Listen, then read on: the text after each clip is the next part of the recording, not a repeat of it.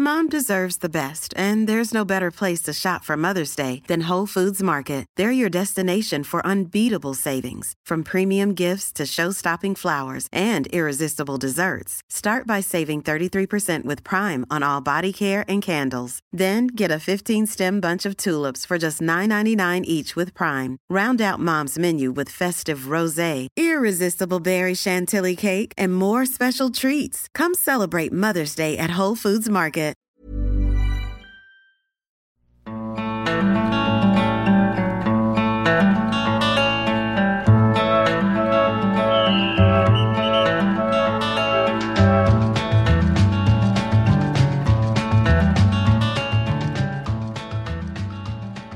Allsvenska podden, det är fredag, det är varit så här midweek-omgång, onsdag, torsdag, fullt med matcher, mycket att prata om, därav alltså är vi tillbaka för andra gången den här veckan.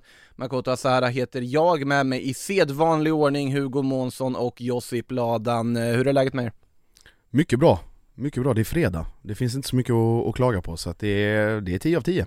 Först och främst är det jäkligt bra för att det är fredag Eh, nummer två så är det ju ännu bättre för att det är ny allsvensk omgång imorgon.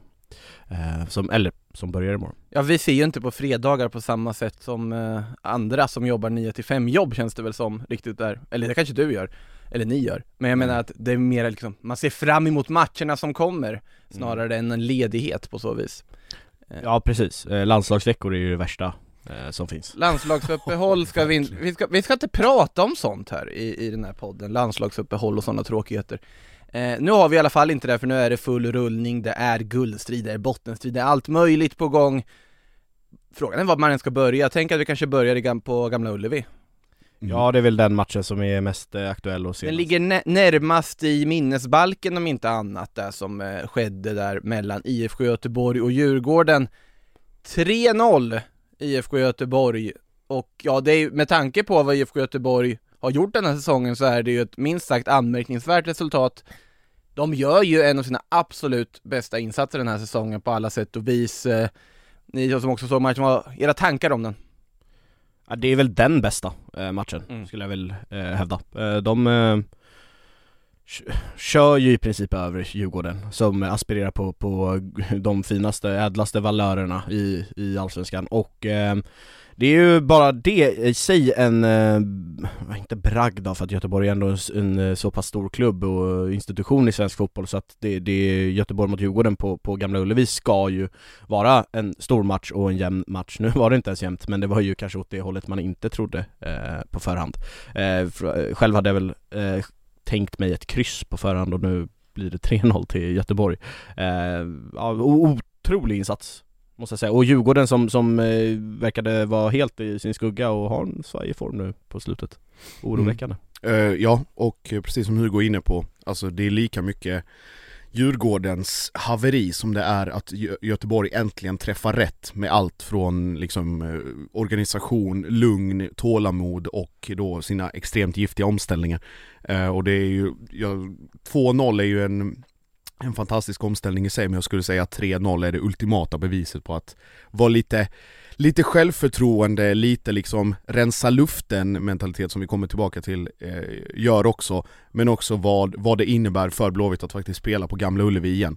Eh, Och de, de har tjatat om det och det är i viss mån en klyscha beroende på liksom hur och vem man frågar men det, det gör någonting med dem att spela där inför det trycket och det är också som vi pratade om att supportrarna var ju egentligen mm. i förra avsnittet att supportrarna är det enda som har gjort att Blåvitt fortfarande liksom lever mm. i den, i den eh, liksom eh, striden där nere eh, och de fick ju lön för mödan och lön för sina insatser först och främst med med ett bra läktarstöd och, och liksom, man, man ser också på spelarna att det plockar fram de här, man brukar prata om 5-6% här var det snarare 15-20 och liksom August Erlingmark med den drömstarten, den nicken och sen så liksom rullar det på av sig självt men jag tycker du är inne på, på två faktorer där som stämmer verkligen i min analys också, att eh, just de två sakerna, att för det första eh, hemmastödet, eller ja, publikstödet generellt under säsongen eh, Men framförallt nu när de har kommit tillbaka till Gamla Ullevi, är obesegrade där, ehm, och ja men det är ju så jäkla bra tryck igår.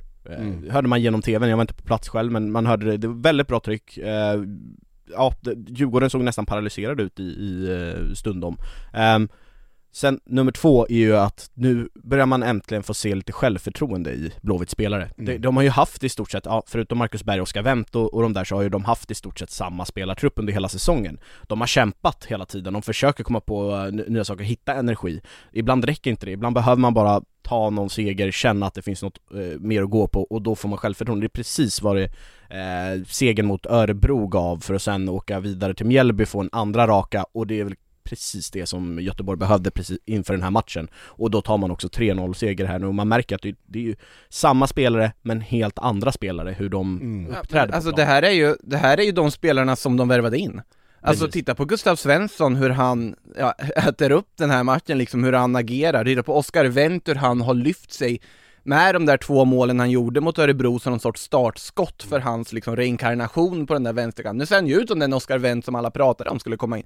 Marcus Berg har väl ändå hållit någon Han har form av nivå bra. även när det gick som tyngst för Göteborg, men här också återigen Men nu kliver han upp något eh, nivå, inte själv utan för att resterande del av laget har Exakt. klivit upp och det gör ju även Och det här har ju lyft spelare som Hossam Aiesh och Tobias Sahn och så vidare bakom dem också, så att det är ju Mm. Jag tycker det är ot- otroligt imponerande hur de tar sig an den här och alltså, man kan ju säga att de kontrar sönder Djurgården, tycker jag är lite fel analys av det hela. De, de ställer ju, ja, jag säger, omställningsraserar Djurgården helt enkelt, för att det går ju så snabbt. Djurgården har mycket boll på offensiv plan, framförallt i andra halvlek, men det är så otroligt, otroligt uddlöst. Och sen är det pang. Bara att de gör mål på att Djurgården har liksom en egen hörna och ska försöka göra mål, och sen säger det pang på andra sidan och mål. Och därmed då alltså, nu har vi ju hyllat Göteborg och det, det förtjänar de också, men vi måste ju komma in på vad Djurgården gör i den här matchen också för att det är alltså den tredje, andra matchen av tre senaste när man förlorar med 0-3. Man har släppt in åtta mål på tre matcher. Och det här är alltså en titelkandidat vi pratar om, en titelkandidat som nu åker till Gamla Ullevi till en jättestor match, till en viktig match. Såklart i helt fel läge för dem att möta IFK Göteborg jämfört med vad AIK och Hammarby fick göra tidigare när Göteborg inte hade det här självförtroendet och de inte hade spelarna de värvade i somras. Och just det du är inne på med deras målfacit här nu, att de släppt in åtta mål på de tre senaste.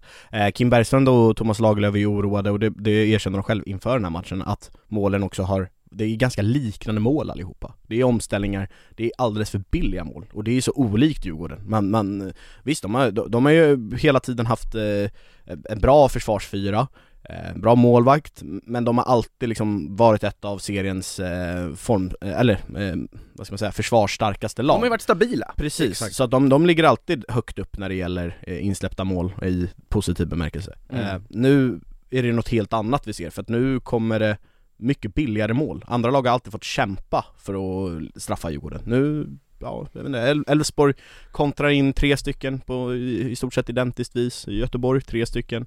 Eh, Och det här var ju på något Kalmar sätt det, det liksom absolut stora detaljen som gjorde att man såg Djurgården som en guldkandidat redan tidigt var ju just den här alltså obevekliga stabiliteten de har haft, att man vet vad man får av Djurgården. Även om de inte Verkligen. har hittat en nia som öser in mål så vet man att ja, men de kommer ta sina trepoängare på, de har sitt stabila försvar, de har sin trygghet, de har sin lugn, de har sin liksom alltså idé och allting och allting känns på något sätt harmoniskt i truppen. De vet precis vad de ska göra, det finns de maskinellt över det. Nu har det gått över till en sorts maskinell nivå där alltså försvarsmaskinen hackar ju betänkligt uppenbarligen. Anfallet också. Ja, det är anfallet Förutom också. mot Kalmar då. Anfallet funkar ju på något sorts maskinellt vis, att de, in, de kommer ju inte fram till liksom lägen på överhuvudtaget. Ja, vi- vissa situationer absolut, men det finns inte den här distinktheten. Nej och när de väl får de där superklara målchanserna Då har man inte den där naturliga målskytten som bara stänger Nej, in exakt. mål utan Varken Kalle Holmberg, varken Chilufya, varken Haris, även om Haris har varit, eh, Haris Radetinac alltså, har varit ganska formstark eh, senaste månaderna så är inte han den där naturliga eh, yttern som bombarderar i mål. Kalle vet vi ju alla att han har ju haft ett jäkla tufft år med ett mål på, ja, vad är det, Mm. 13-14 matcher och Chilufya är ju väldigt mycket, han är väldigt bra men det är ju ingen målskytt av rang. Nej, och det, ni sätter ju fingret på det för att det, det största, liksom, Kim Bergstrand säger ju det även efter, eh, är det Elfsborgsmatchen när han säger att, är, när han får frågan om, är det här en, en fråga om kvalitet eller är det en fråga om självförtroende och liksom landar någonstans i slutsatsen att det handlar om om eh, skickligheten hos de anfallare han har. Och då blir det ju också, alltså om du plockar in, alltså hur ska jag säga, det är ett sånt läge för Djurgården i anfallsväg att det är så pass problematiskt att du kastar in Isak Hien i anfallet. Eh, och det säger egentligen också ganska mycket om vi, var du befinner dig. Kujovic, Lex Kujovic har vi ju pratat om i liksom hur länge som helst. Holmberg med en enorm formsvacka och eh, eh, Edward Chilufya som då är fullständigt bortplockad i den här matchen och syns egentligen inte till, glimrar till i någon aktion hit och dit men, men kommer inte alls till sin rätt. Och då har du Radetinas, då har du Eriksson som också, som dels måste städa och springa och vara liksom jobbiga och sen ska de då komma till, till avslutslägen så att det blir dubbeljobb. Och som, du, som ni säger, åtta insläppta på tre matcher och då grus i målmaskineriet och i de offensiva chanserna, undantaget då första halvlek mot Kalmar. Mm. Men det är, det är av de lagen i topp 4 just nu, vi pratar om Malmös extremt bleka insats mot Varberg förra veckan Frågan är inte om, eller frågan är snarare om det är Djurgården som har störst ja. anledning att vara oroliga inför de det har avslutande fem. definitivt, och, och för att vara inne på det Malmö, jag, jag vet inte om jag nämnde det förra veckan men Malmö ligger ju faktiskt och låg inför eh, segern nu, som vi kommer in på senare, segern mot AIK, så låg de ändå trea i Allsvenskans formtabell. Eh, så att det var inte så bedrövligt som man ville göra gällande, men matchen i sig mot Varberg var ju svag. Mm. Eh, Djurgården har ju en betydligt svagare form. Nu, nu vann de ju mot Kalmar, absolut stark seger men där höll de ju även på att tappa. Det var darrigt i andra halvlek i, i vissa mm. perioder och Ja, jag vet inte, det, det, är ju Man ser ju att samma tendenser som när de gick som bäst finns ju där. Det, det, det ser ju likadant ut på plan. Det är bara det att det är lite sämre skärpa i båda straffområdena. Sen då, har jag då också... är det mycket, eller lite sämre, men det, det, är ju skillnad i straffområdena. När målen inte sitter mm. och när man släpper in mål hela tiden, då, då blir det jäkla svårt att bygga vidare på det där.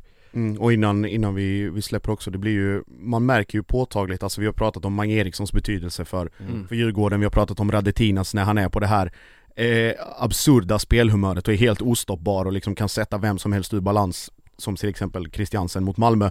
Men det som jag tänker främst på är ju Rasmus Schüllers frånvaro.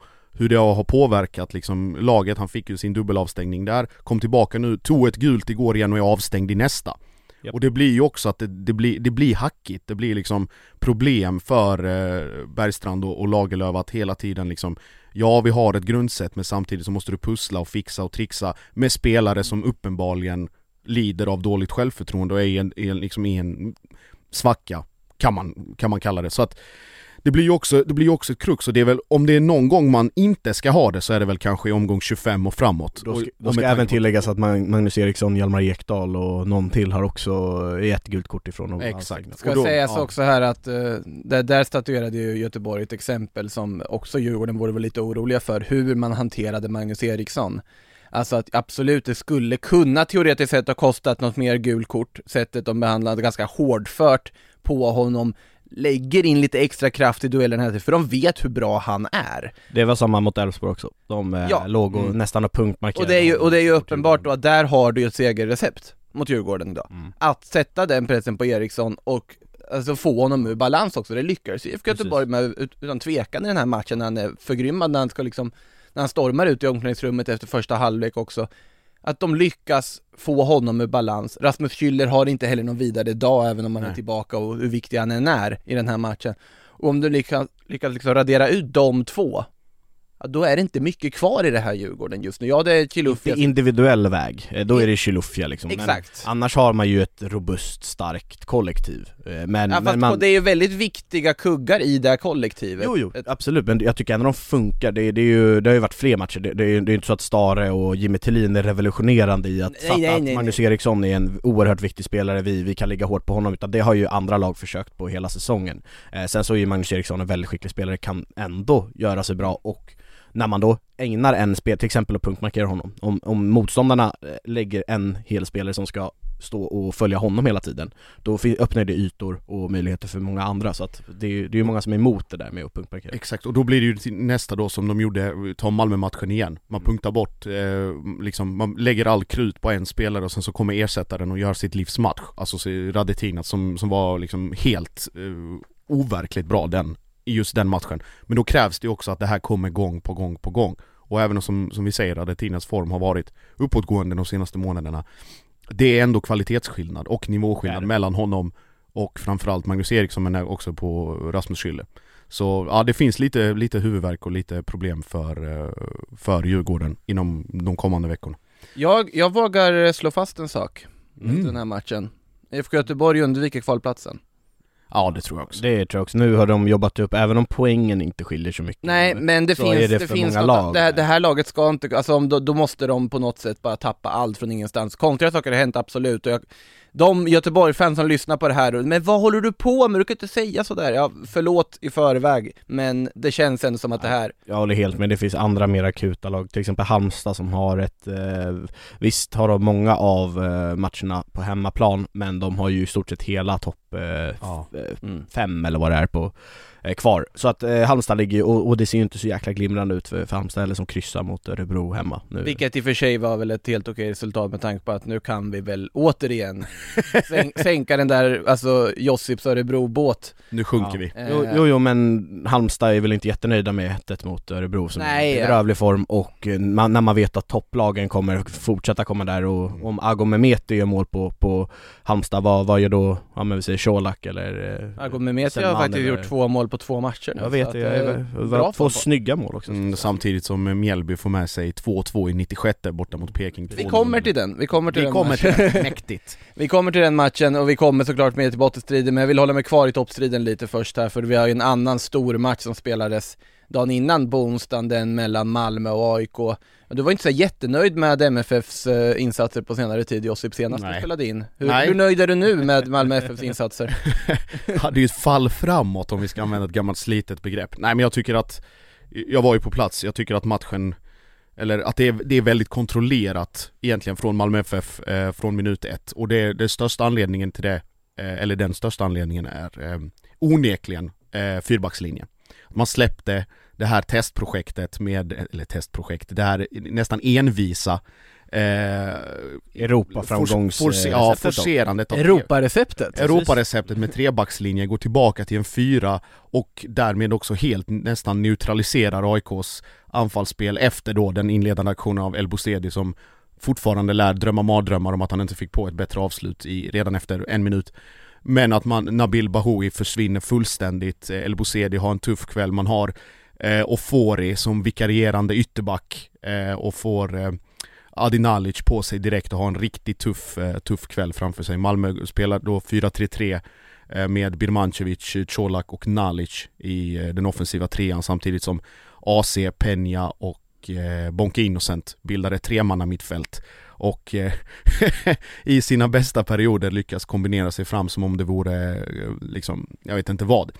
Eh, men helt klart ett fall framåt, MFF, AIK, återigen vi var inne på det bortaspelet, Mm. eh, ser hackigt ut, ser svårt ut. Nu, nu, spelar, nu, nu ska man väl inte gå så mycket på just bortaspelet Malmö, eh, oavsett om det hade varit hemma eller borta så är det en jäkla tuff det, är en tuff, det är en tuff match absolut men det, det, det är fortfarande att du kommer inte till fler lägen Nej. trots, trots det där. Eh, målet som Malmö gör, det är, jag vet inte vem, om de behöver rensa luften, eh, Papagiannopoulos och Nordfeldt för att det där agerandet i ett sånt skede av säsongen och med de individuella kvaliteterna som bollspelarna besitter, det ska inte få vara mål. Eh, Birmancevic sopar in en boll egentligen från ingen vinkel alls och bara liksom chansar.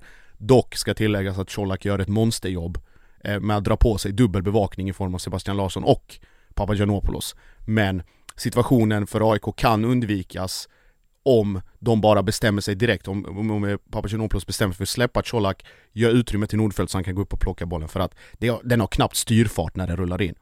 Eh, och sen så efter det så, de, det händer inte så mycket egentligen, det är kontrollerat, man kommer till sista fem, någon form av slutforcering men det, det ser ganska, ganska lugnt och beskedligt Här, ut. en- här känner jag dock att det finns en liten brasklapp att slänga in. Alltså absolut, Malmös första halvlek är alldeles, alldeles strålande. Man tycker man äter upp AIK fullkomligt. Men, som, alltså jag vet inte om det är jag som har för höga krav och för hög liksom bild av vad Malmö FF är kapabla till.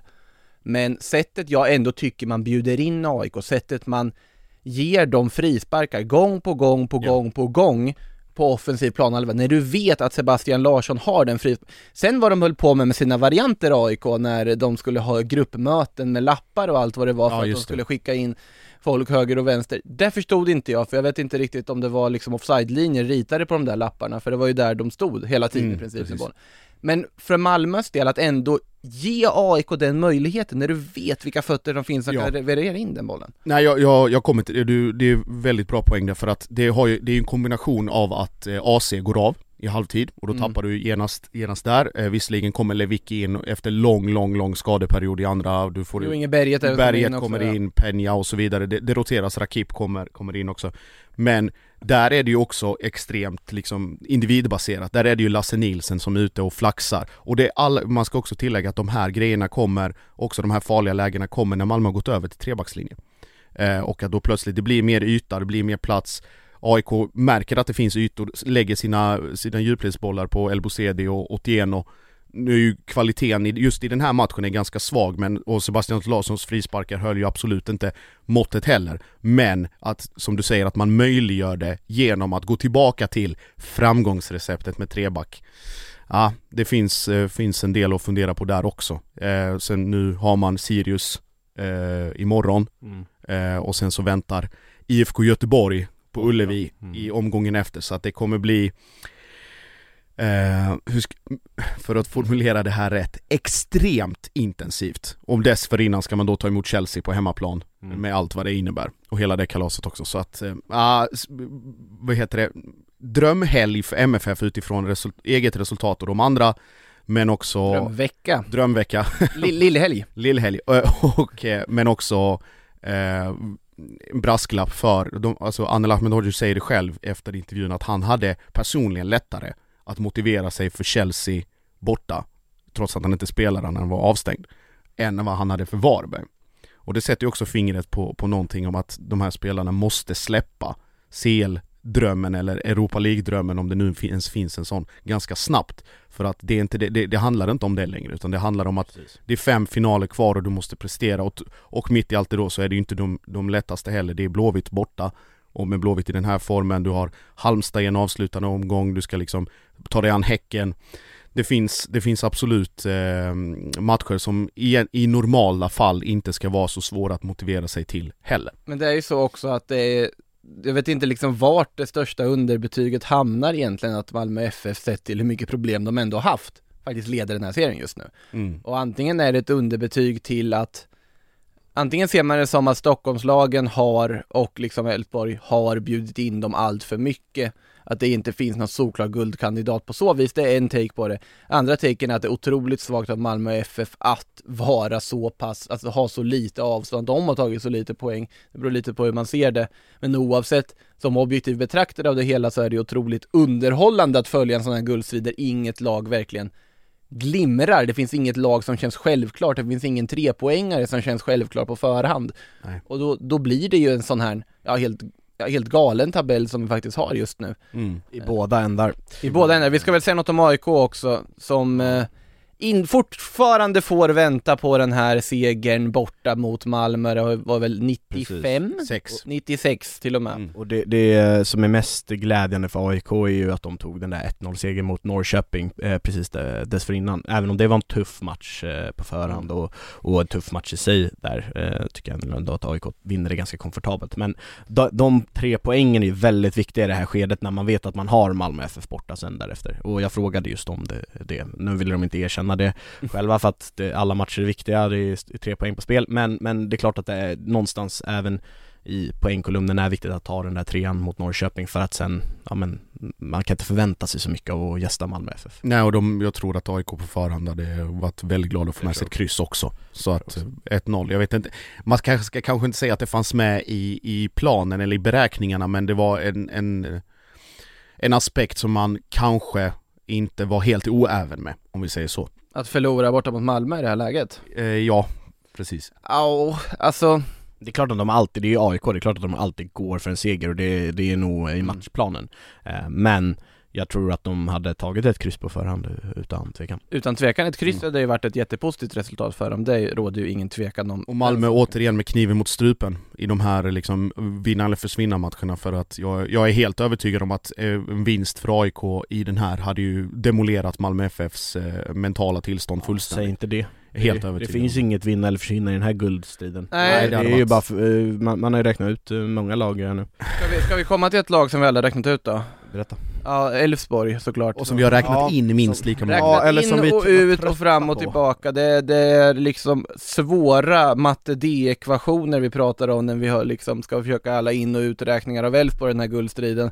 Då, nu vinner de, Ja. 2-1 borta mot Degerfors, du ser tveksam ut för ja, du... Nej nej nej, jag, jag tänkte bara tillägga att de ser ju klart bäst ut av alla guldkandidater Ja, de, faktiskt här och nu, så absolut. spelar ju strålande fotboll. Det, det är ju jätteroligt att kolla på Elfsborg. De är bra defensivt och de går så jäkla fort framåt hela tiden. Det är fartfyllt och det är spännande spelare som gillar att, att utmana en mot en och ja, fint in i mitt fält. Ja, det- De är väldigt roliga att kolla på. Ja, men det, det är ju alltså det enda som egentligen, alltså drar ner betyget och gjort att vi på något sätt plockat bort dem, det är ju den där septembermånaden. Ja, och att de har, är ojämna. Att eh, det, det var de ju redan innan, att det kunde vara från att vara jättebra ena matchen till att sen, ja men, kryssa hemma mot beskedligt motstånd liksom. Mm. Eh, Jo men då var det ändå kryss hemma mot beskedliga motstånd. Alltså ja men det, det är här, kryss hemma Ja precis, det är fortfarande ojämna prestationer och de Absolut. såg inte alls lika bra ut medan de nu på senaste tiden har börjat köra över motstånd. De, de hade väl två raka 3-0 segrar Ja, eh, Si- Sirius mot hemma Sirius är hemma, bland, ja. det, bland det värsta man sett Ja och sen så 3-0 borta mot Djurgården där de- där de följer sin matchplan till Mm. punkt och pricka och är ju väldigt, väldigt bra. Ja, och som konstgrä- konstgräslag också att åka till en keff matta i, eh, i Degerfors och dessutom vinna med 2-1 Nu var det ju lite, det var lite Deger- svajigt sista fem men Ja, ja, men och Ja. Degerfors som även har kommit i form också. Mm. Eh, som, som har den där eh, fronten, nu gjorde ju Edvardsen mål eh, såklart, men, men eh, det är ju inte lätt att åka och vinna mot Degerfors i det här läget. underbara 32% bollinnehav också borta mot Degerfors, vi har varit inne på det här förut där med att hur De överskatt... bryr sig inte. Nej men det, det är överskattat den där Ja, procenten. det är precis som kolla eh, Kalmar mot Varberg här också, 2-2. Och, eh, Kalmar har 71% eh, bollinnehav.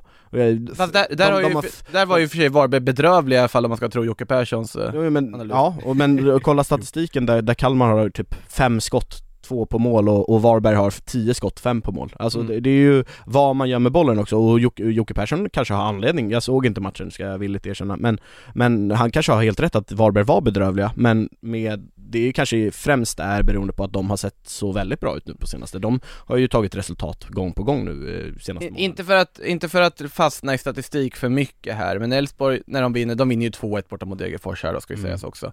De lyckas alltså skapa då så pass mycket möjligheter, ganska mycket möjligheter att vinna den här matchen välförtjänt, Mm. med 160 passningar och en passningsprocent på 64. Har Elfsborg det? Ja. Mm. Ja det är, det är ju jättelågt. Det är ju anmärkningsvärt alltså. Ja, men det, det, då, det betyder ju att de inte står och slår så många passningar i sidled utan att de kör passningar som är eh, risk, eh, högre ja risk det finns ju såklart olika analyser att göra på, den, den siffran kan ju hit- ja, Det liksom betyder ju inte att de står och kör två meters passningar och missar adressen liksom. Det, Nej, det är såklart det inte gör det. Ja, någon två meter passning kan de missat, men Jo, jo, jo, jo men det, det Ja. så, Jo, det jo. inte spel, Nej, nej. spel liksom, vad heter det, det grundläggande spelidén heller Nej, precis, men det säger ju väldigt mycket om det här Elfsborg också, den kvaliteten som ändå finns i truppen, Oh ja. som vågar ta möjligheter, som liksom ställer om på det här sättet de gör. Leo Väisänen gör ett av målen och Jeppe Ockels är det som fastställer slutresultatet. Som har hittat formen, Jeppe Åkesson. Ja det får man verkligen Mm. säga, det, det är ju också en spelare man ändå hade, eller fastställde slutresultatet, Edvardsens mål var ju en reducering, ska vi naturligtvis säga, så han fastställde ju inget slutresultat, men däremot Elfsborgs sista mål. Eh, ja, Ockels har ju verkligen hittat formen och det är ju det som är också det fina för Elfsborg här, att även om det inte är någon av de där yttrarna som kanske så här sticker ut som en av liksom allsvenskans Jo, absolut... Rasmus Alm, definitivt. du tycker han är en Ja, av de främsta i serien? Det tycker jag, Det- säg en bättre högerytter Ja, alltså jag kan säga bättre högerytter, men eh, säg, säg, säg liksom fyra, fem bättre högeryttrar Han är definitivt topp eh, i, i min bok nu, ska vi se vad har vi? Um, bra. Bra content nu. Ja, men Jo Inge Berget är ju vass men jag, jag Han har är wingback Ja Exakt. men han är ju hö, alltså Ja. någonstans i grunden, Ja, för, för länge sedan var han ju Ja. högerytter men, men Han har ja. gått Jens Gustafsson-skolan utan att ha haft Jens Ja Gustafsson. men Jonathan Levi är ju väldigt bra liksom Jonathan Eh, Levi ser jag ju som en bättre Ja, spelare, alltså i inte, grunden. nej, ja i grunden ja, men absolut inte, absolut, absolut inte. Eh, Och då, då ska jag säga att jag gillar verkligen Levi, jag tycker han är jättebra och har varit bra i år när han fått spela, men Rasmus Alm håller jag definitivt högre. Alltså absolut Kung i Amo form ska väl vara med där i någon eh, diskussion, han är ju en högerytter i Amo grunden, ska men- in där, jag tycker men då- Niklas då håller jag ska in där också. Nej han är vänsterytter. Eh, men eh, där, där håller Var inte han jag, högerytter förr? nej, ja det kanske han var när han slog inlägg i, i Norrköping. Eh, alltså det är, ja, Men eh, nej, Rasmus Alm är, är no, nog, nu, nu kommer man väl bli trumfad på, av eh, arga lyssnare som, eh, när man har glömt någon, men jag, jag kommer inte på någon riktigt, ja men Chilufya är ju vass också såklart, eh, väldigt vass, men, men jag, jag, jag Ja, håller nog definit, Definitivt topp tre ja det är han definitivt. ja. Så Ja. ja, Oh, oh, absolut. svagt Och- segment, men nu kommer vi till en conclusion här. Ja, otroligt svag segment också på när eh, jag har svårt med höger och vänster också. Men, men, men det, det, det, är det är faktiskt någonting så här man... Men det är ju luddigt, det, det är ju alltid, en det är spelare, alltså jätteluddigt. yttrar kan ju ofta spela på båda kanterna men Exakt. jag, jag är ju, under Djurgårdstiden så är ju Niklas Berg, eh, Bärkroth en inverterad vänsterytter i stort sett ja, primärt till vänster, ja, Ja, det precis. stämmer, det stämmer. Man, man är skadad av, av ens uppväxt i Norrköping om vi säger så. eh, men eh, det, jag tänkte, det är faktiskt någonting som jag brukar ha svårt med överlag det här när man hör toppspelare i världen, så här, är de höger eller vänsterfotade? Sån kunskap är jag bedrövlig på, det kan, ska jag faktiskt vara transparent med att säga. Jonathan Levi Räcker med att säga kant. nu slutar vi. Ja, Nu Levi går vi vidare. Det här med vem som är höger och vänster, de är dubbelfotade allihopa på den här nivån Nej men, men i alla fall, nej, nej det vet jag Det är inga Arjen Robbens allihop i alla fall Ja, eh, det jag skulle säga i alla fall med min spaning från b- början här Det var att, alltså om det är Rasmus Alm som kliver fram, absolut, då finns det någon som gör poäng där. Men om inte Rasmus Alm kliver fram, då kanske det är Alexander Bernhardsson som plötsligt glimnar till som han gjorde lite här under Absolut. sensommaren. Eller så är det Jeppe Ockel som har kommit igång nu, att det finns hela tiden någon Eller, som eller när Frick saknades så Sve, Svein eh, Gudjonsen eh, Mm. stänker in två mot eh, Sirius. Och då har vi inte ens pratat om Marockin Diones fina start på säsongen heller, Nej, så att det, Mäktiga, Ma- mäktiga Marocki, och sen då framförallt, eh, alltså, som, alltså den typen av spelare som Ockels är också, ex, alltså total mediaskugga Gör i princip, Verkligen. alltså aldrig några, inte, inte intervjuer för att, för att det fi, inte finns något att prata om men det är bara liksom Ja, det är en habil spelare som gör vad han ska. Han, han är bra men det är liksom inte så här: wow, han Nej, har inte den där exakt. speeden, han har inte riktigt, ja. och, så, och sen så har du dem, och så, så har du liksom i Elfsborg, då pratar du alltid med samma personer, det är Johan Larsson. Tänkte precis Det är Per Frick, det är Tim Rönning kanske ibland om han har gjort någon supermatch.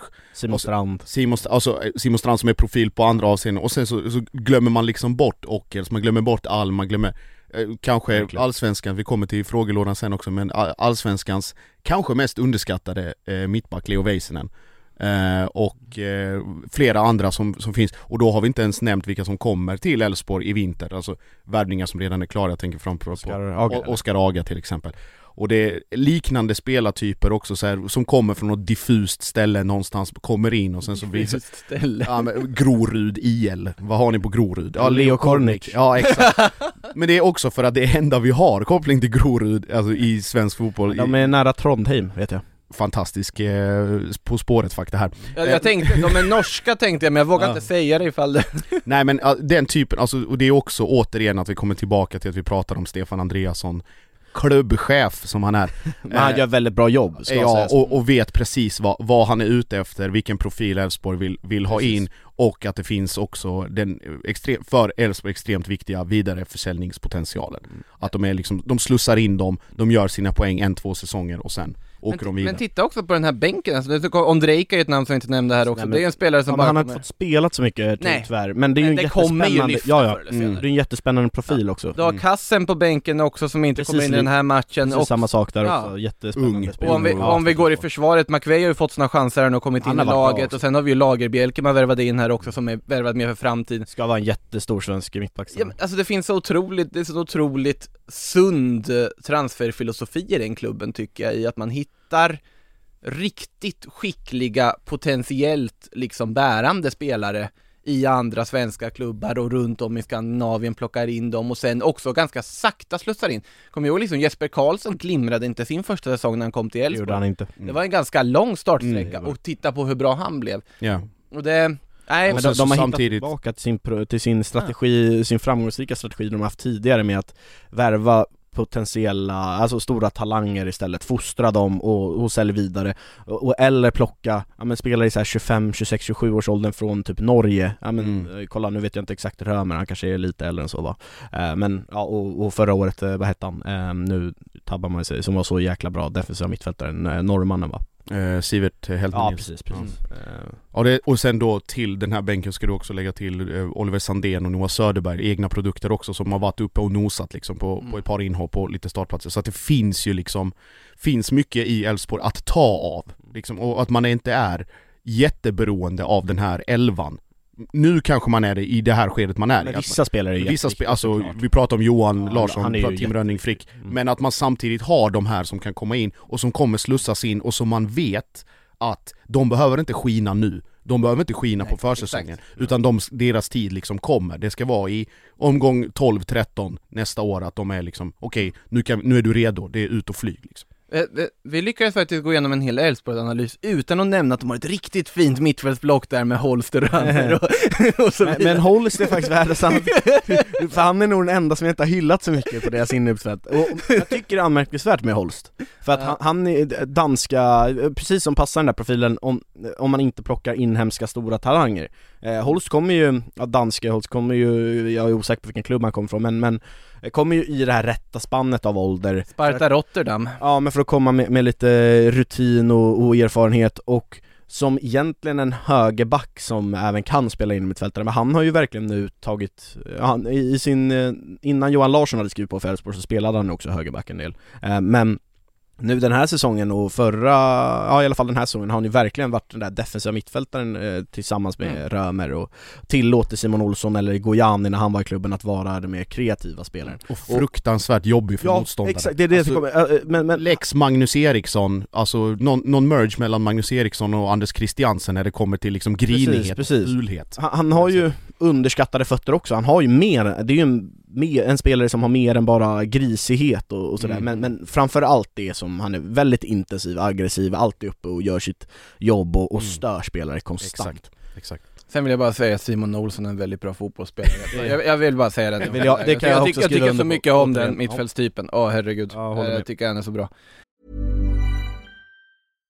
Ready to pop the question? The jewelers at BlueNile.com have got sparkle down to a science with beautiful lab grown diamonds worthy of your most brilliant moments. Their lab grown diamonds are independently graded and guaranteed identical to natural diamonds, and they're ready to ship to your door. Go to BlueNile.com and use promo code LISTEN to get $50 off your purchase of $500 or more. That's code LISTEN at BlueNile.com for $50 off. BlueNile.com code LISTEN. Eh, vidare då från guldstriden tycker jag Elfsborg är alltså delad. Mm. Delad ledning är ju fel för att det är Malmö som leder på målskillnad, punkt. Men, Vad är, är det 6-7 mål i skillnad, något sånt va? 24, jag tror Malmö har 24 ja det är sju målsskillnad. Eh, så att Elfsborg tvåa med samma poäng Ja. som Malmö i toppen, 48-48, sen Djurgården, AIK 47-47, 43 Hammarby. Du var på plats där i, på Studan och såg Hammarby ta ännu en trea. Och först och främst eh, så ska vi ju all beröm till eh, Sirius utmärkta arena. Vi, vi har berömt den förut. Ja men den, den var otroligt eh, vacker att komma fram till här nu. Bra, eh, riktigt bra läktare, när man, eh, pressläktaren fantastisk. Fa- du- du- Fantastiskt jag vill ta i med den pressläktaren eller? Nej. Nej, okej, ja. Mm, mm. ja. Ja.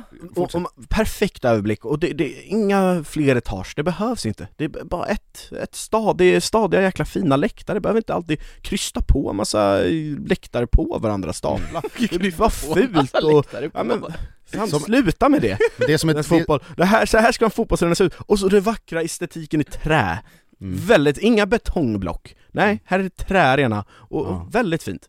Det, det känns som en upp, eh, alltså upplyxad eh, version av Bravida. Ja, absolut. Och den är av betong. Ja, det är, ja, det är en riktig betonglåda.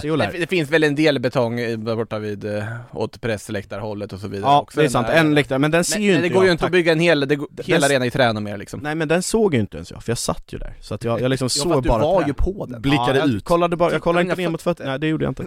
eh, oavsett, matchen i sig, eh, Hammarby vinner med 1-0. Eh, rättvist, får man ändå säga. Eh, även om det är Sirius som styr mycket av spelet så, så Hammarby kontrar ju och har ju gjort läxan på förhand så att de har ju fattat att det finns mycket yta där bakom och eh, om det inte är Ludvigsson så är det ju Amo gånger typ. Det, det kändes i andra halvlek som att Amo hade tio frilägen. Eh, det hade han ju såklart inte men, men han borde ju i alla fall ha gjort eh, något mål. Nu är det istället Rickard Magyar som eh, avgör för Hammarby. Och eh, ja men de skjuter väl in dem i alla fall en Europa platsstrid om man kan säga så.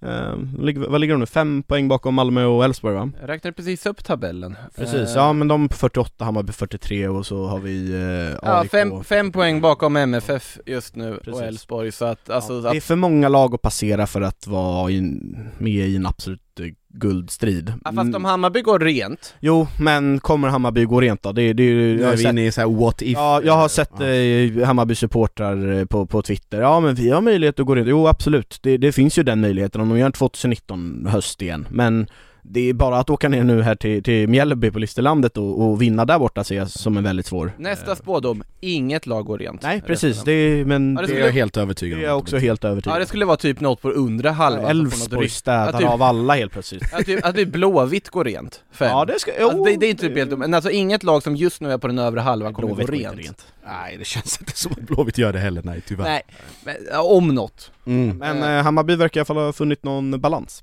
Ja verkligen, och Eh. eh, tre poäng och alltså återigen med, nu har vi, vi har skrivit av dem förut, nu är de återigen, har ändå någonting att drömma om inför slutomgången, det ska bli spännande att följa vad de hittar på där. Eh, sen ett lag som eh, nog skrev bort sig från, vi kanske får lägga till dem igen efter nästa vecka Ja, antagligen Men, eh, men IFK Norrköping som eh, behövde studsa tillbaka efter 0-5 mot BK Häcken som kom från, eh, som en blixt från klar himmel. Sen en desto mer väntad blixt i form av 0-1 förlusten mot AIK. Jag kan inte kalla det en blixt, bara lite så här åskmoln som syntes Mm. där borta om man ser till trovärdigt. AIK anfaller ju inte ofta som blixtar Inte riktigt. Nej. Det, det, det, de smyger på. Ja det är ju Eh. duggregn som Och ja, och jag vet inte riktigt vad man ska kalla den här 2-2 tillställningen hemma mot Mjällby som då IFK Norrköping åkte på. Man leder ju med 2-0. Mm. Sam Adegbenro med ett helt fantastiskt mål. Sen utbytt skadad utbytt skadad. Kristoffer Nyman med ett Mål. inte så fantastiskt mål, men likväl ett mål, utbytt skadad. Eh, och ja, och sen bara så liksom kollapsar alltihopa. Man lyckas på något sätt pricka de absolut psykologiskt jobbigaste borta, alltså baklängesmålen att få. Nummer ett, reduceringen direkt på 2-0. Den, den i sig liksom, oj nu, vi hade precis punkterat, nu är det inte punkterat. Och sen då agerandet i 90 plus 5 när Mjällby gör 2-2. Och här finns det ju ganska mycket saker att säga om.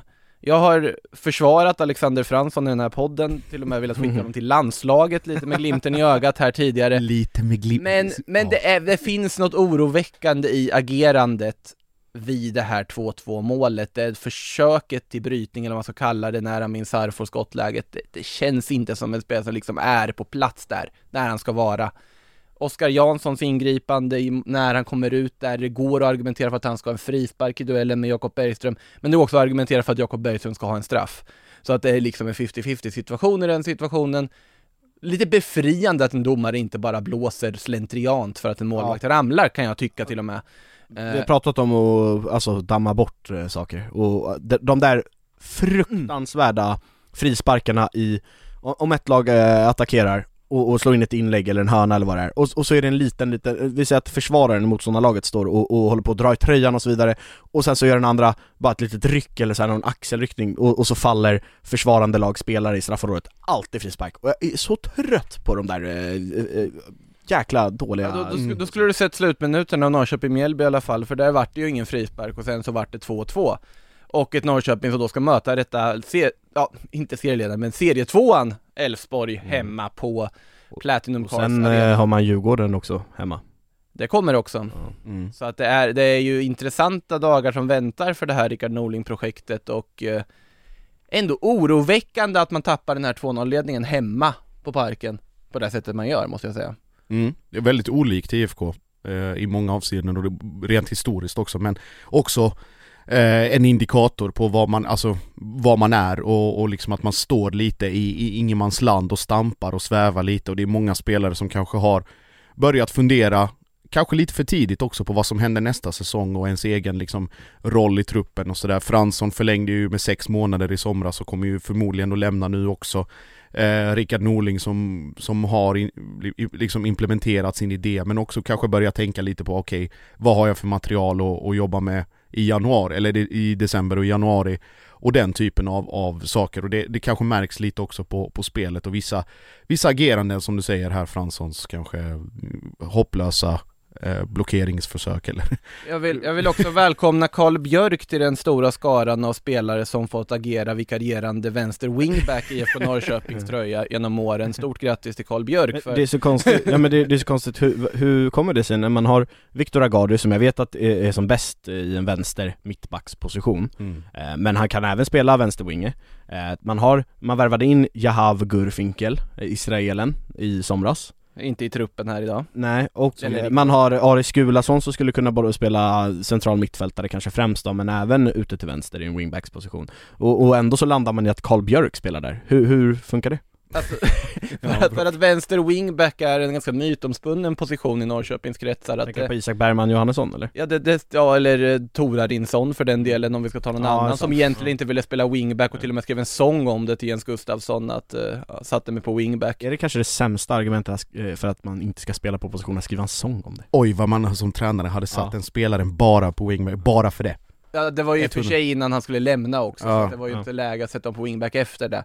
Men oavsett, så det är någonting med den där wingback-positionen. Sen finns ju Kristoffer Telo såklart, trotjänaren också i truppen, som är, ju är vänsterwing, också omskolad egentligen från början.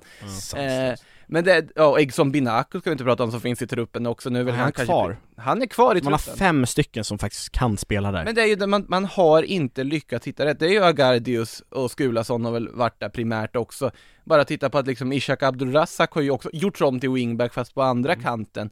Eh, det är fascinerande hur svårt man har att pricka med wingbacks, för Gurfinkel värvades ju in för att vara har väl inte lyft på det här sättet man trodde han skulle göra, även om det var mycket snack om hans, hans, Det känns, hans roliga namn. det känns spontant som att det är svårscoutat i eh, Maccabi Kevin. Alvarez skulle ju in och Kevin bara Alvarez. ta den där positionen. Han blev väl snarare liksom en sorts eh, Alltså kultfigur på ett annat vis innan han lämnade, men det ja, Det är fascinerande, men grattis Karl Björk till eh, att nu också vara en av har du många sju alternativ på vänster wingbacksplatsen. är det eh, Sveriges mest mångsidiga trupp?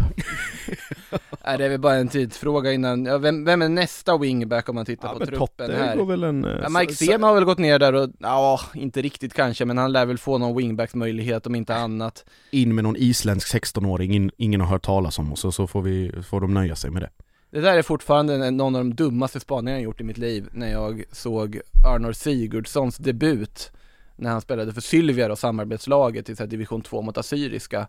Han brände straff, gick mest omkring och var tjurig, var inte överhuvudtaget bra, kände man, nej men det här håller inte, det här kommer inte vara, det här är ingen allsvensk kvalitet.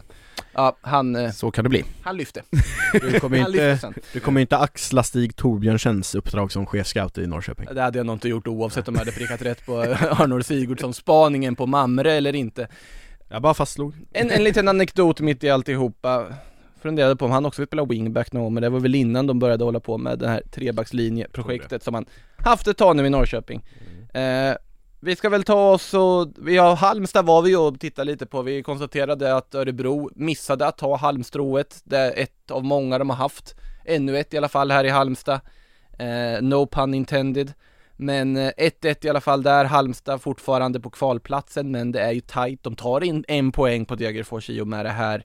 Eh, vi har ett Östersund som kryssar mot Häcken, ett Häcken som därmed då fortfarande får anses ligga i någon form av riskzon för att dras in i det där. Nej det tror jag inte, det kan vi nog jag tror inte de gör det, men alltså rent avståndsmässigt så är de där. Ja men Häcken är ju också en sån fruktansvärd missräkning i, alltså, bo, alltså det, det känns som att de bara har trampat Ja. i, i vatten sen omgång ett.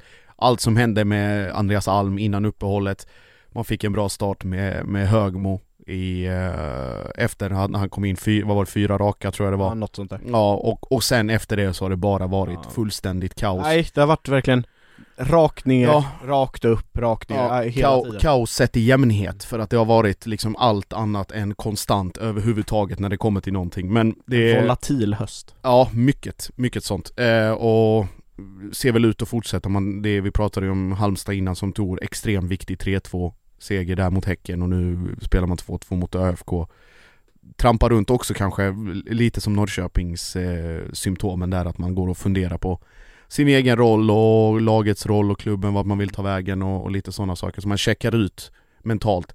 Innebär inte då att man inte skulle kunna motivera sig med dem, om det är stormatcher kvar, jag vet Häcken har till exempel Malmö kvar på bortaplan och där, vill säkert sätta käppar i hjulet för något, något guldfirande men då är det kanske svårare att tagga till när man möter HBK och ÖFK med, med all respekt. Vi kan väl säga att ÖFK också då missade ett halmstrå om vi ändå ska säga, ge, ge dem halmstrån fram tills att det är matematiskt omöjligt så är det ju Ser det ju tungt ut även för dem, de behöver ju de, de är ute. Ja, Mm. ja, men matematiskt.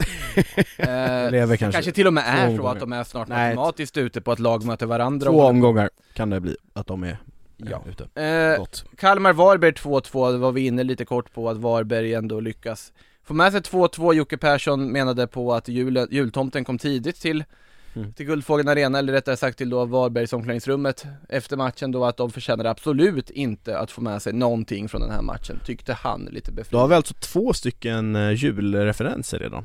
Mm, Kim Bergström bjöd ju på den att, eh, det, att eh, julklappsutdelningen kom tidigt i år för att eh, eh, Djurgården har skänkt bort eh, så många mål här nu. Ja men det, det är ju, det är ju lite tröttsamt att alla går på det här liksom eh, kommersiella, nu ska vi starta julen så tidigt som möjligt. Det, jag Jag tror inte att Kim Bergström och Joakim Persson tänker på, på, eh, Nej men indirekt, indirekt på julgranen eh, riktigt när de, när de säger det här. Indirekt, indirekt menar jag att liksom, det, det finns ju mycket, det är ju det som är bra reklam sån här som man inte vet att man utsätts för Nej det är en två plus, eh, två plus metafor att använda. Julklapp Ja, den är definitivt och kla- eh, julklappar och hela kalaset. ja, Fast det, det, det piggar ju lite mer upp att ändå, även om det finns något sorgligt i det så piggar det ändå mer upp att göra det nu när det egentligen inte riktigt är julen Julmusten börjar ju trilla in. Men julmusten säljs ju från maj, typ När påsken är slut Sommarmust. Som vi Finns uppskattar sommarmust. det också. Finns, har sett, sommarmust. Det finns kanske Ja mer men i Malmö. sluta, Nej jag har sett det med egna ögon. Inte Det är Stockholm. ingen vacker syn. Nej. finns höstmust också, eller är det julmusten? Det är, jag har julmusten. sett jul, påsk, sommar också. Otäckt. Ja, mycket. Så att, eh, men vad, vad får vi för vin, ja vintermust finns väl? Nej, Släpp, gå vidare. Vi fastnar vid... Jag tycker det här Så obskyra ämnen. Ja, nej, jag undrar vad, ja just det, påskmusten kommer tidigt i februari, ja, just det. Mm. Ja, det är det. Eh, med det sagt tycker jag vi går till frågor, vi får se om vi har några frågor om eh, påskmust eller inte. Jag Det är en del fina frågor frågor idag har jag sett. Vi ska titta, ja många frågor, tack för det, alltid kul när ni ställ, liksom är aktiva som lyssnare också. Kan börja med en från eh, vår kommentatorskollega Marcus Bylund som eh, brukar kommentera våra damallsvenska sändningar här på Sportbladet. Damallsvenskan ser ni på Sportbladet Play om ni inte visste det. Eh, I alla fall, vad tippar du i matcherna igår och gör, vad gör det med ditt tips som presenterades här om dagen? Och då syftar jag naturligtvis på när vi fick använda Sportbladets tabelltippare. In och gör det om ni inte har gjort det redan för att tippa hur ni tror att guldstriden slutar. Eh, jag tror att jag tippade varenda resultat fel i den här omgången, så vi kan gå vidare från det i alla fall. Ehm, jag kommer inte ihåg exakt hela omgången men jag tippade i alla fall att, att Malmö skulle vinna mot AIK Sen tippade jag att Djurgården skulle tappa poäng men Jag kryss. tror att jag hade ett poängtapp, Eh. men inte en 3-0. Jag tror jag hade kryss i Kalmar-Varberg, men 1-1 tror jag Så att, ehm, ja, det är inte helt rätt resultat men eh, rätt, eh, jag tror även jag hade kryss i Halmstad-Örebro faktiskt. Ja. Halmstad-Örebro fick vi inte ens tippa, Nej så det fick vi inte alls. Så vi går vi vidare från Men jag, jag hade jag tippat den så hade jag tippat rätt.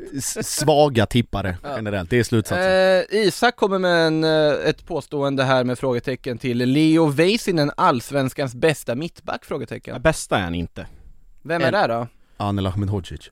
Ja, i grundkapacitet, I men i år enligt ja. eh, dataverktyg och så vidare Hjalmar Ekdal den bästa Mm. mittbacken eh, Sen så, ja men absolut håller jag med om att Ahmed Hodzic är bättre, jag tycker att Milosevic är bättre, jag tycker att... Eh, Papagiannopoulos? Nej det tycker jag inte, Nej, tycker jag inte tycker inte Eh, det? Nej Jag tycker han är bra ja. han blev synad. Han är bra jo, han men blev han- synad i den här matchen, men jag tycker Ja. överlag att det är en väldigt bra mittback. det, det är en 3 plus mittback, eh, men eh, ja Leo Väisänen är fyra Leo, Leo Väisänen ska jag, som vi sa innan, kanske seriens mest underskattade Mycket i så möjligt, fall. mycket möjligt Otroligt så. underskattad mittback, Ja. absolut. Eh, vill man springa och göra om jag, sitt... jag tror att eh, seriens mest eh, underskattade mittback springer runt i Halmstad om jag ska vara ärlig Ante Johansson? mm.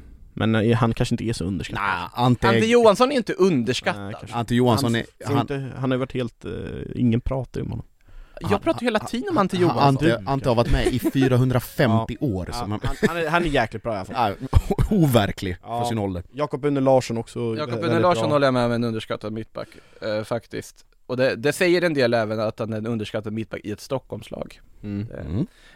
Eh, Marcus Helgesson, MH, står det här, frågar Kommer någon sakna Örebro eller Östersund? Ja, Örebro och Örebro. Östersunds fans kommer naturligtvis sakna dem.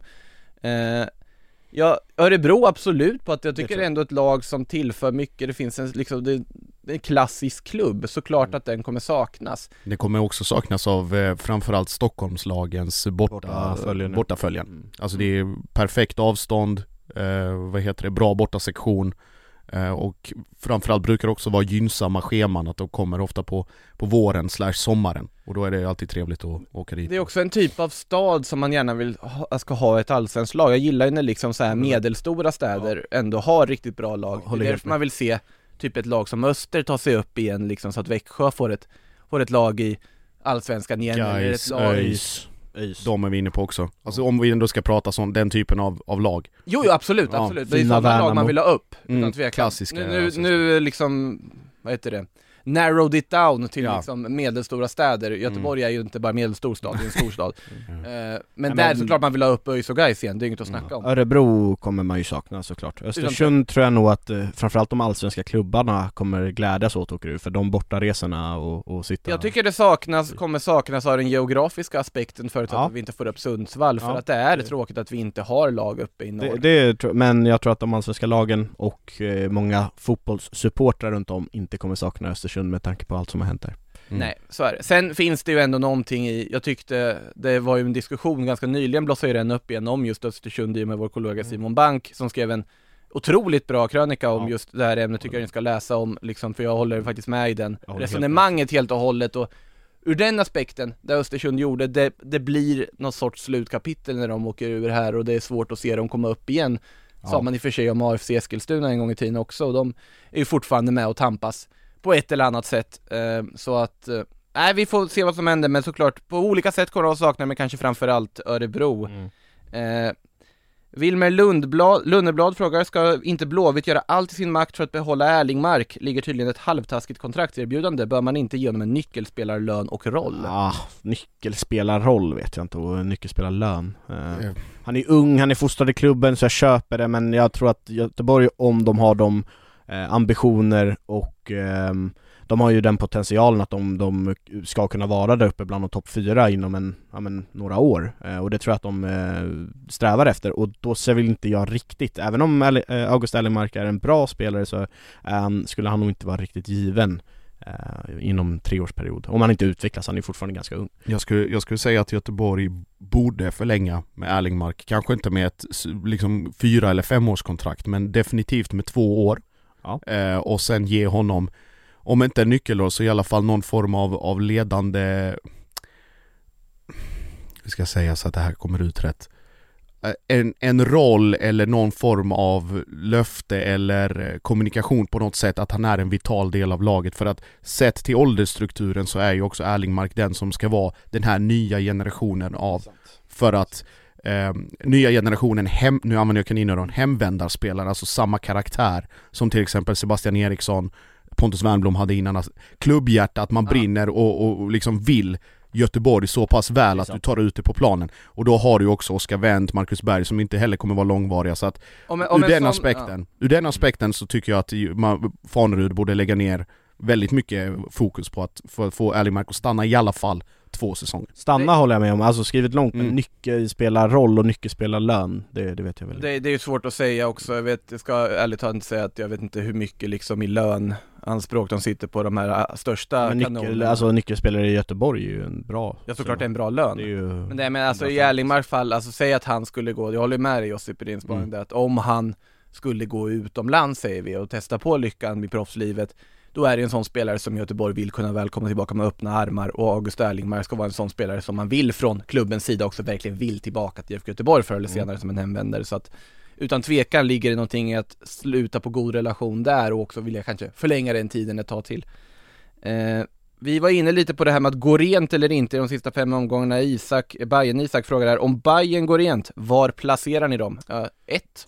Ja, ja det, Nej men alltså om de skulle gå rent så placerar jag dem ja. ett, alltså, men de kommer inte gå rent. Nej, det, kan vi ju eh, Mm. lova i stort Lova ord. Ja men i stort sett Ja men alltså Ja. så här, men det, för det, det betyder det är fem poäng och jag ser ju att alla lagen i toppen har kapaciteten att tappa fem poäng eller fler Ja, i resten.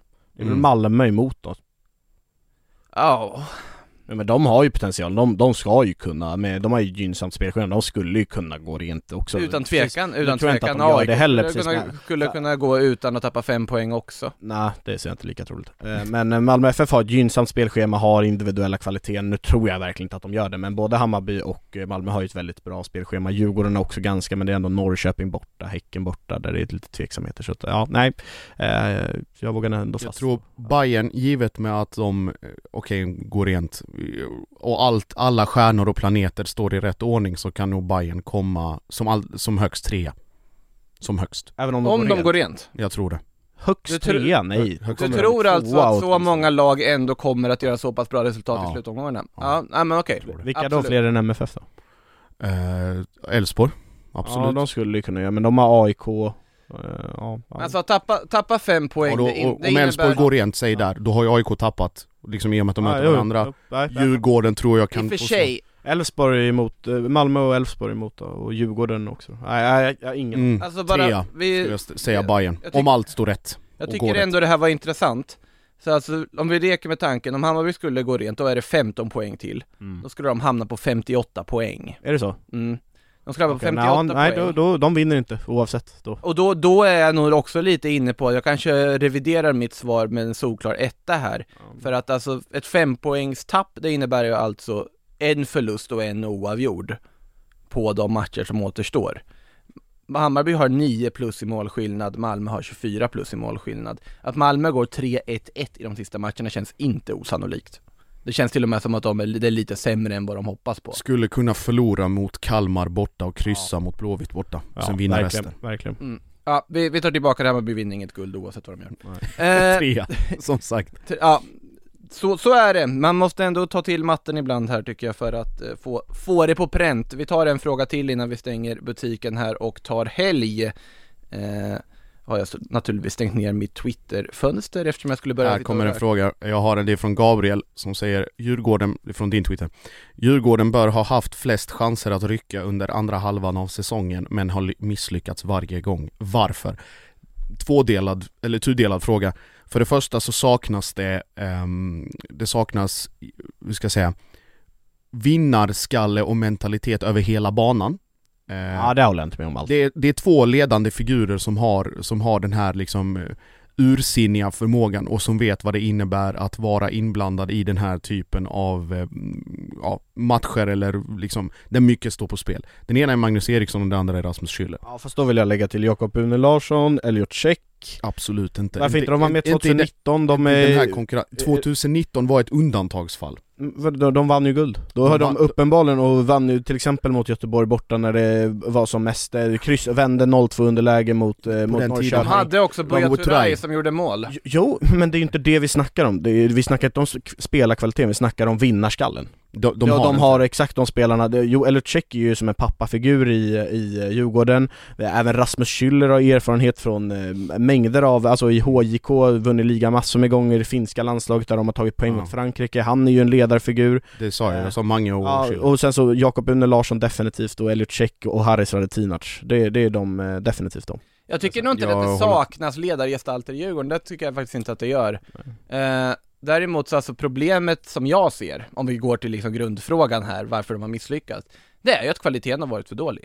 Ja det finns ingen Buya Turay. Nej, det finns ingen målskytt eh, Det finns ingen generellt målskytt. i laget. Nej, de- de Eh, har- det är ju det största enskilda Exakt, problemet. de har inte den liksom spetsen och inte lyckats. Och sen var det också, ska vi ärligt talat säga, vi har tjatat om det jättemycket tidigare under säsongen, men tappet av Aslak von Witry. Ja, det hade nog inte, alltså ba- högerback, visst han gjorde jättemycket mål, det var en toppklass Ja fast det högerback var men... inte bara en högerback för dem. Nej, Det var liksom men- en offensiv, Nej, att de inte har en bättre nia är vad, Ja. vad som kostar dem eh, bättre placering i år. Ja det är ju såklart. Om de nu inte vinner guld, vilket de mycket väl kan göra Det ändå. kan de mycket väl göra. Ja. Vet ni vad, vi slänger in, jag vill bara skjuta ner en fråga, skjuta ner var kanske lite elakt, jag tycker det var en intressant fråga. Eh, eh, Isak frågar där, finns det någon potential att scouta värva spelare från japanska och koreanska Men- ligorna?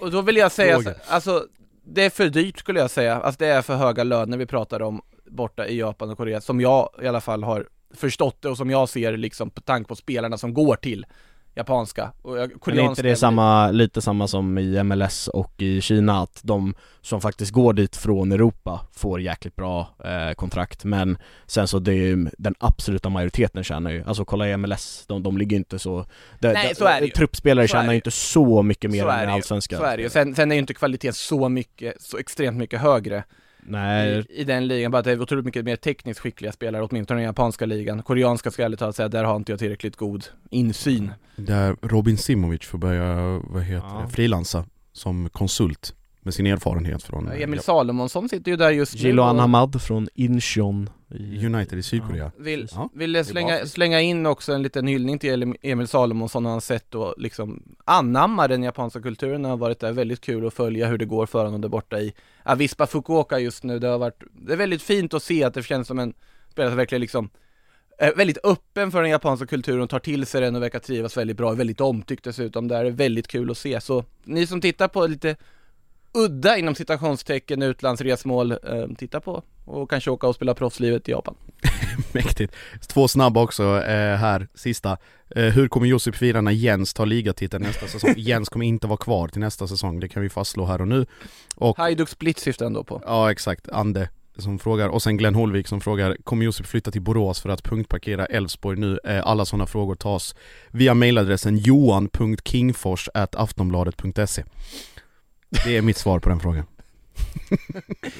En följdfråga där, vill du åka och bo i Borås och punktparkera i Elfsborg? Eh, Jag är, jag är öppen för alla alternativ, jag stänger inga dörrar.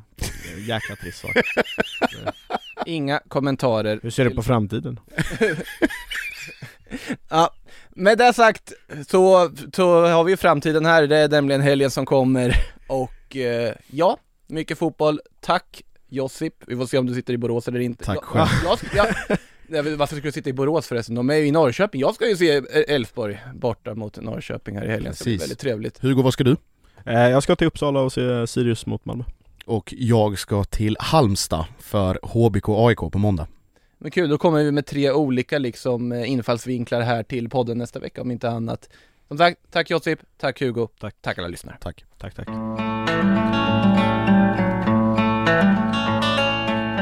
Du har lyssnat på en podcast från Aftonbladet. Ansvarig utgivare är Lena K Mom deserves the best, and there's no better place to shop for Mother's Day than Whole Foods Market. They're your destination for unbeatable savings, from premium gifts to show-stopping flowers and irresistible desserts. Start by saving 33% with Prime on all body care and candles. Then get a 15-stem bunch of tulips for just $9.99 each with Prime. Round out Mom's menu with festive rosé, irresistible berry chantilly cake, and more special treats. Come celebrate Mother's Day at Whole Foods Market. Samuelsson.